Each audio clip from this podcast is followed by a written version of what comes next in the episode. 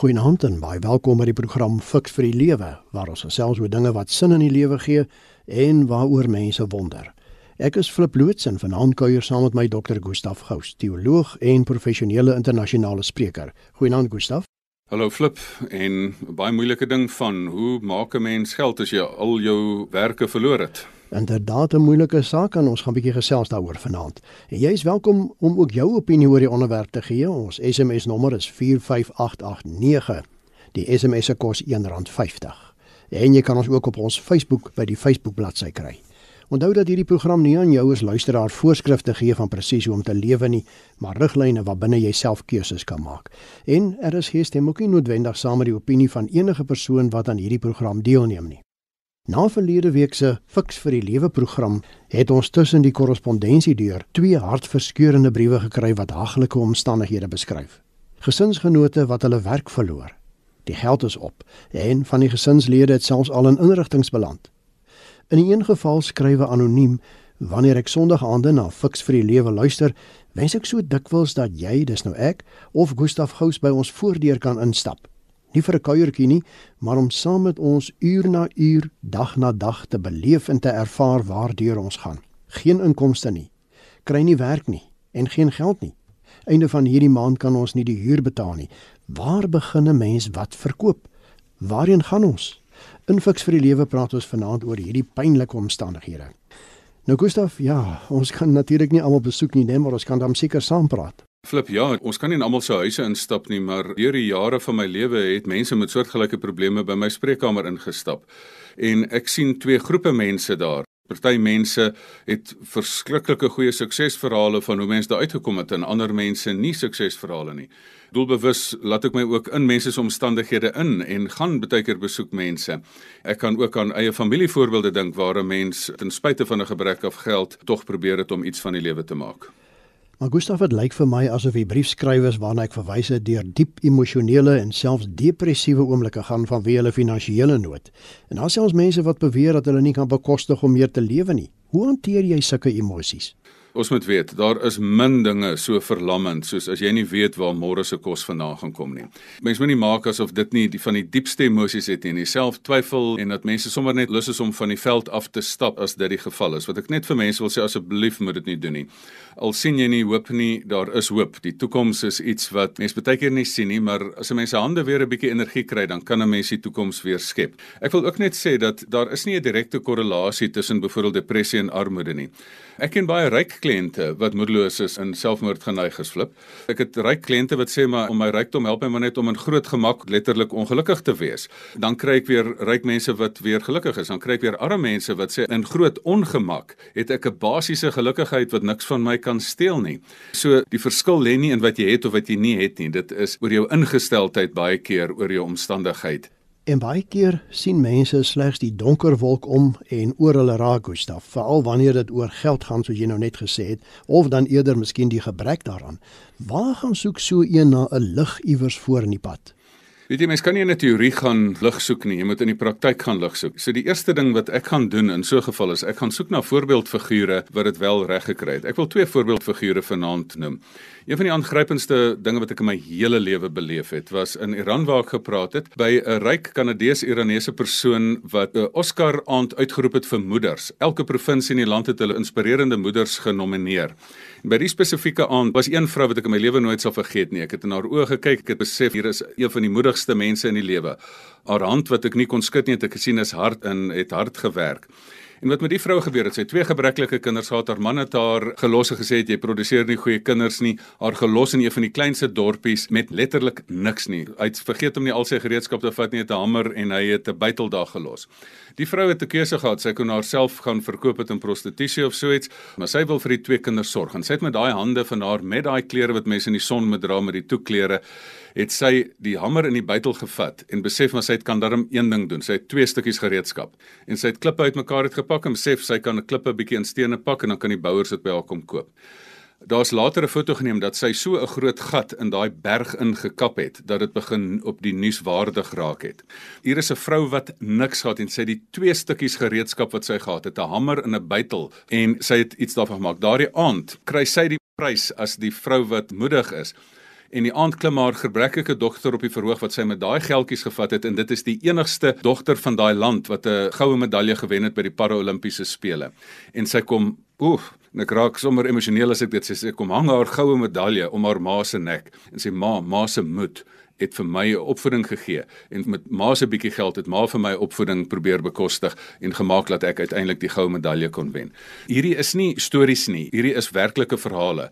In Namibië waar ek gebore is, Frans Ndonga, hy het geen geld gehad nie. Hy was 'n loonwerker vir die week se loon wat hy gehad het. Het hy byvoorbeeld 'n hemp gaan koop. Hy het daai week om uitmekaar uit getorring. Die volgende week se loon het hy materiaal gekoop.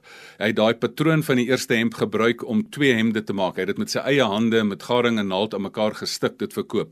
Met die twee hemde se geld het hy meer materiaal gekoop. So het een patroon nou het hy meer materiaal. So het sy lewe aangegaan en uit later mense gekry wat stiksters was, dan het hy masjiene gekoop. Waar ek van sy storie gehoor het, my pa was die predikant in Windhoek en sy finansiële beampte was die finansiële beampte vir hierdie Frans en Donga want hy het so ryk geword en hy het later ook minister van finansies van Namibië geword. En is 'n man wat niks gehad het nie. Sy omstandighede het hom nie bepaal nie, maar sy gedagtes, sy plannetjies in sy kop het hom bepaal en later is daar geboue in huidige Windhoek na hom vernoem. As mens gaan lig soek, dan gaan vind ek nou wat is die gemeene deler in hierdie mense? Daar's twee gemeene delers hier. Hulle het al die verskonings gehad. Ek sê luister, my omstandighede het my in hierdie ding gelaat. Hulle het daai verskonings gehad en sê ek gaan nie dit blameer nie. Ek gaan vra nie wie is verantwoordelik vir my gemors nie, die man of die omstandighede of die politiek nie. Ek gaan vra wie is verantwoordelik om iets te doen en beide vir die man Iran en hierdie man in Windhoek Namibië het gesê ek vat verantwoordelikheid en ek begin klein en ek werk myself stappie vir stappie uit die moeilikheid uit. Op watter maniere, Gustaf, indien enige, sou jy steeds positief kon bly te midde van omstandighede wat jou ontneem het van 'n werkende inkomste? Dit is nie maklik om positief te bly nie, want as jy na die omstandighede kyk, dan het jy alle rede om 'n negativiteit in te sak. Maar weet jy, ons almal leef dit, arm en ryk in hierdie land, leef in omstandighede wat jou tot depressie kan lei. Maar as 'n mens se ingesteldheid reg is, met ander woorde, dit is waarop jy fokus. Fokus jy op die slegte omstandighede, dan gaan ek in 'n depressie inval. Maar fokus ek op die geleentheid en neem aksie. Weet jy, die wêreld beloon aksie flip. En as ek ingestel is om 'n geleentheid te soek hoe klein ook al en ek begin eerste tree gee in daai pad, dan doen dit sommer my selfbeeld goed en ek voel nie mislukking nie, ek voel ek doen minstens iets al is dit eerste tree in die regte rigting. Kom ons raak 'n bietjie prakties, Gustaf. Indien ek en jy nou, soos die briefskrywer gesuggereer het, by haar huis sou kon instap in daardie neerdrukkende omstandighede, watter raad sou ons kon gee? Natuurlik is dit maklik om raad vir iemand anders te gee. Wat is die raad wat 'n mens vir jou self gaan gee? As ek beso iemand sit en glo by flip, dit kan met ons almal gebeur. Dan is die eerste ding dit is regtig belangrik dat 'n mens moet luister. Wat het hier gebeur? Dat 'n mens verstaan wat is die situasie. So 'n mens moet punt A eers definieer wat is hier aan die gang. Dan moet 'n mens gaan sê maar wat het ek in my hand? Want as jy net sê wat het gebeur, dan as mens daar stop, dan sit mens in depressie. Maar as jy vra wat het ek in my hand? Soos daai Iranese vrou, sy het 'n hamer en sy het 'n bytel gehad. Wat het jy in jou hand? Het jy 'n stukkie vaardigheid in jou hand? Het jy 'n stukkie gereedskap in jou hand? Wat het jy om mee te werk? En as jy dan begin met wat jy het, dan kan jy daaruit ietsie skep. As jy nie 'n vaardigheid het nie, kan jy die eerste rukkie gebruik om 'n vaardigheid op te bou. Baie van die liefdadigheidsorganisasies help mense om te sê maar kom ek gee vir jou gereedskap in jou hand. Nie net fisiese gereedskap nie, maar 'n vaardigheid in jou hand. Met daai vaardigheid kan 'n mens gaan en nie net 'n werk soek nie, maar kan 'n mens vir jou op 'n manier gaan werk skep. In daardie manier moet daar iemand wees wat net rondom jou kan wees wat sê as ek langs iemand staan dan sal ek sê maar luister al glo die wêreld nie in jou nie ek glo in jou. Want al die mense wat sukses het al die storie verhale wat ek het het gesê weet jy wat het gemaak dat ek die ingesteldheid het wat ander nie het nie? Daar's 'n oupa of 'n ouma of 'n iemand of 'n oom of 'n tannie wat gesê het ek glo jy sal iets kan doen en dit het vir mense dan moed gegee in daai moeilike oomblik maar dan moet 'n mens uiteindelik ook sê wie gaan verantwoordelikheid vat want weet jy wat daar's twee skole in die wêreld die staat moet verantwoordelikheid vat of ek moet verantwoordelikheid vat daar's die bakhandhouding en daar's die hand aan die ploeghouding. Die bakhandhouding gaan vir jou kortliks op 'n klein maniertjie dalk ietsie in die hand of in die wedelbakkie bring. Maar die hand aan die ploeghouding gaan op die langtermyn vir jou iets bring. So dit moet 'n mens dan gaan sê, so waar is daai klein plannetjie, daai eerste treetjie wat ek vir jou kan gee? Kom ek noem vir jou prakties. Ver in die diep platteland waar ek 'n werkswinkel aanpad in die Oos-Kaap waar die ekonomiese aktiwiteit baie swak is, waar meeste mense eintlik maar net daar kinders kry net om vir die staatssubsidie in aanmerking te kom en dan die kinders by oupa en ouma gaan aflaai in daai wêreld is daar toe 'n tannie en ek sit daar en ek sê ek bied 'n seminar en daar's nie 'n kafeteria nie. Toe ek weer sien toe ruik ek lekker vetkoek. Daar deur die venster sien ek hier sit 'n ou tannie met 'n prima stoofie, gasstoofie en 'n bak vetkoeke en vleis. Hierdie tannie het ons sien kom. Sy het 'n behoefte gesien as mense wat honger was. Sy het 'n pot en 'n Primus stofie en bietjie voorraad. Daar koop ek die hele week se voorraad by haar op. Die tannie het seker vir 'n maand se inkomste uit daai week se werk verdien. So, waar sien jy geleentheid raak? Waar vat jy die klein stukkies gereedskap wat jy het, maak iets daarvan en skep daar vir jou 'n inkomstetjie vir jouself en wie weet om selfs jou kinders op skool of universiteit te hou. Terwyl jy so praat, Gustaf, dink ek aan iemand, ek het iewers gelees, die persoon gee aan 'n ander persoon die volgende raad, toe daardie een ook noem dat hy geen geld meer het nie. Hy sê: "Kyk in jou huis rond wat jy nie meer gebruik nie of nodig het nie, gaan verkoop dit of adverteer jou dienste op 'n papiertjie by die plaaslike inkopiesentrum. Of jy kan ook bekendes kontak wat moontlik aan jou dienste sal belangstel.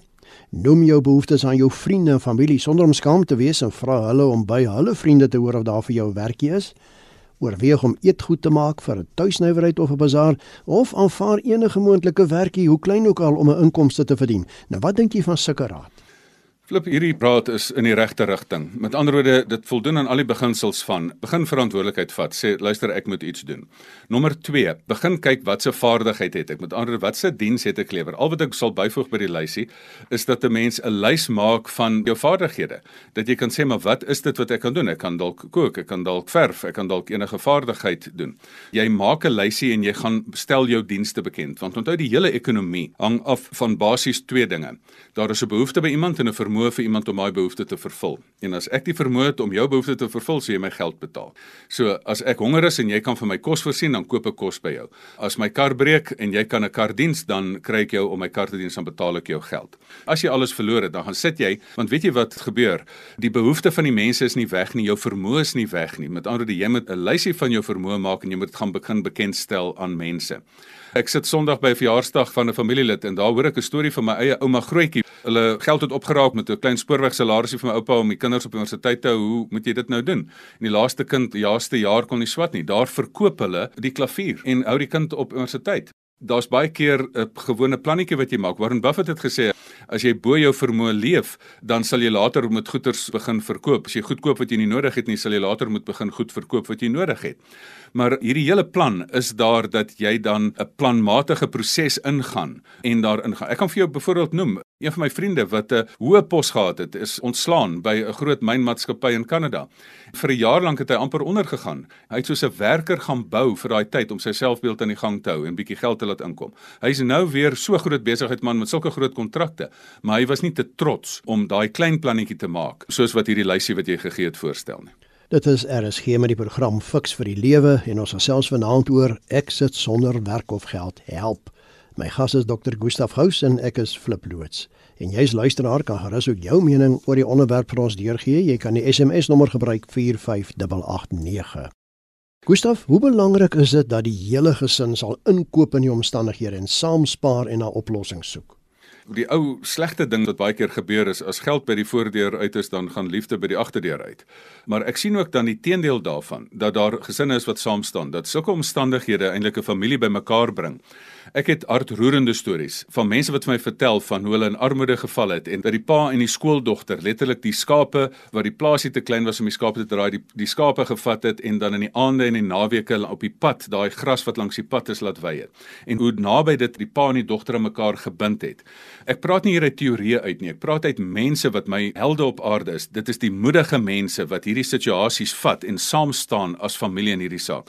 'n Familie moet jou ook keer dat jy nie slegte dinge doen nie, want baie as jy op jou eie dinge doen, weet jy hoe baie mense vat die slegte raad. Daar's so baie mense wat dan dink misdaad is die kortpad of hierdie kits rykdom word vinnig ryk skema is die kortpad.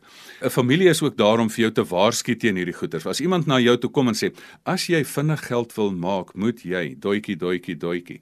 Dis daar waar jy 'n familie nodig het om vir jou te sê asseblief, moenie nou nog ons laaste geldjies ook uitverkwansel nie. Ongelukkig sit ek ook met kliënte wat nou die geld wat hulle nou met groot moeite gaan staan en verdien het nou in 'n skema gesit het waar die persoon 300 400 mense geld laat intrek het en verdwyn het met al die geld.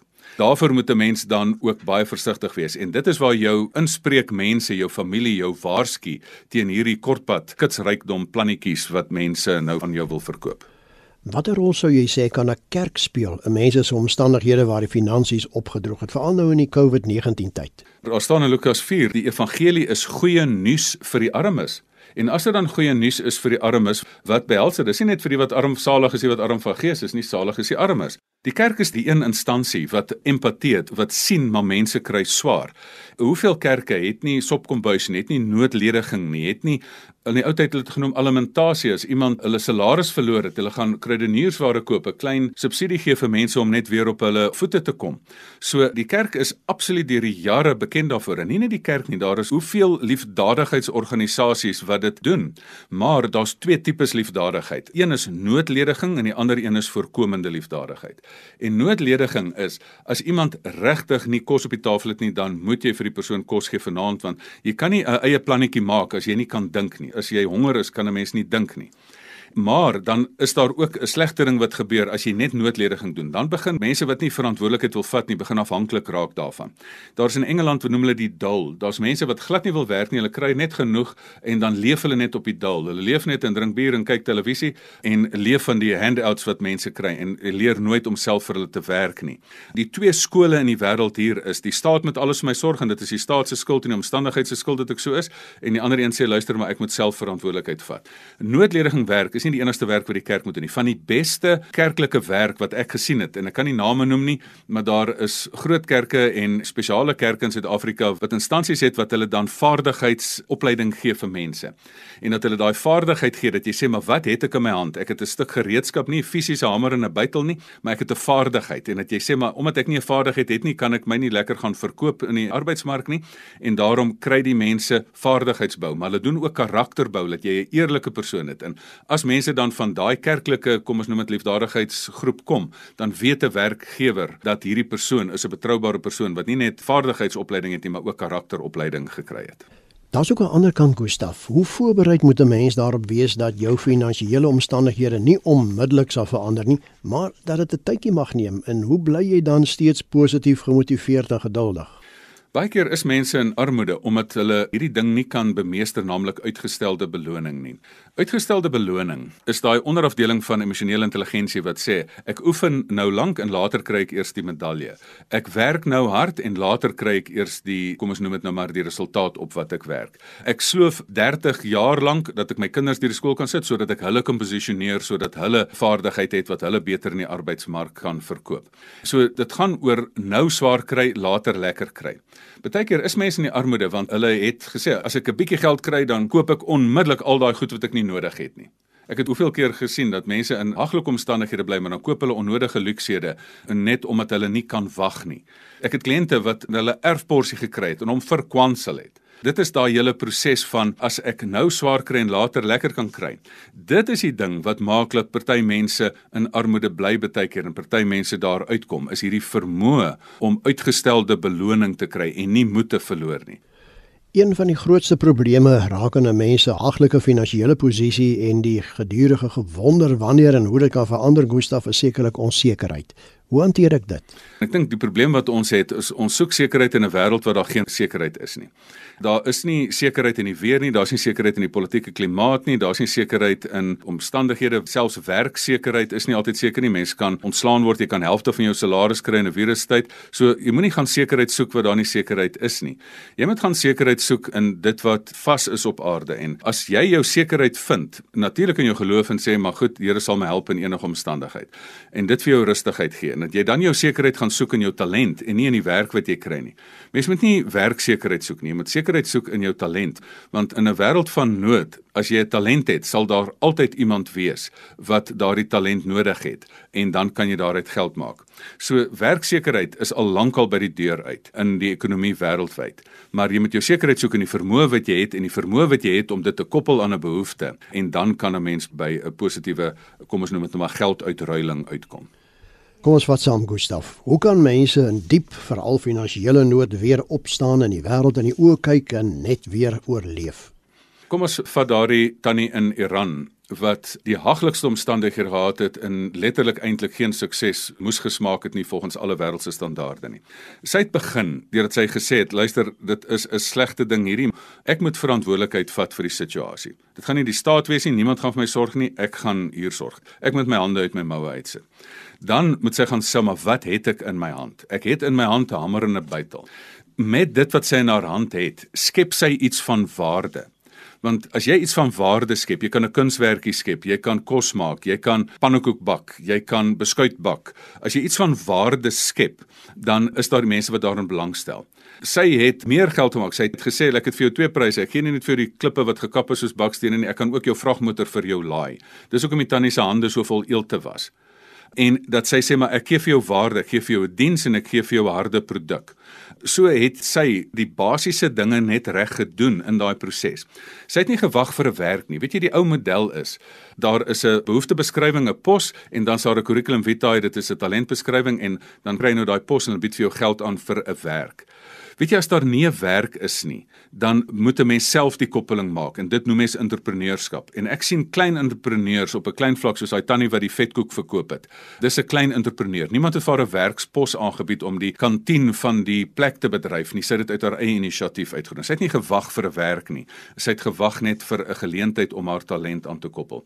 En as jy in hierdie proses aangaan, kan 'n mens gaan hulp vra. Jy moet regtig gaan hulp vra. En dan moet jy dan daai klein begin doen. Frans en Donga, daai een hemp wat hy dan vat en verkoop en dan met daai geld dit verkoop en nie onmiddellik bietjie geld kry en dan dit verloor en nie emosionele intelligensie om dit net te blaas nie. Dit is die ondergang van baie mense. Daar kom baie geld in, maar hulle blaas dit weer dat jy die emosionele intelligensie het om planmatig oor 'n lang tydperk te werk. As 'n mens se wêreld in mekaar gestort het, dan vat dit 'n tyd om die huis weer te herbou.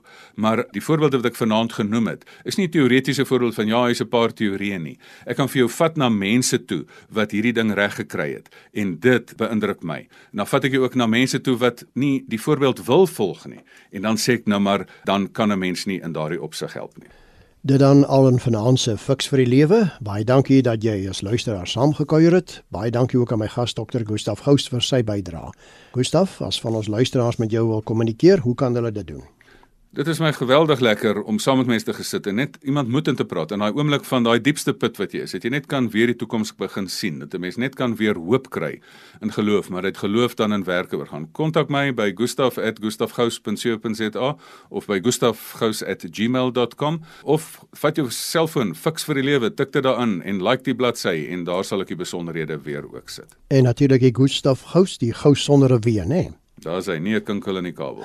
My kontakinligting flip by mediafocus.co.za. Hierdie program is ook op RSG se webwerf 'n bietjie later in die week onder potgooi beskikbaar as jy weer daarna wil luister. En tot ons weer saamkuier volgende Sondag. Totsiens.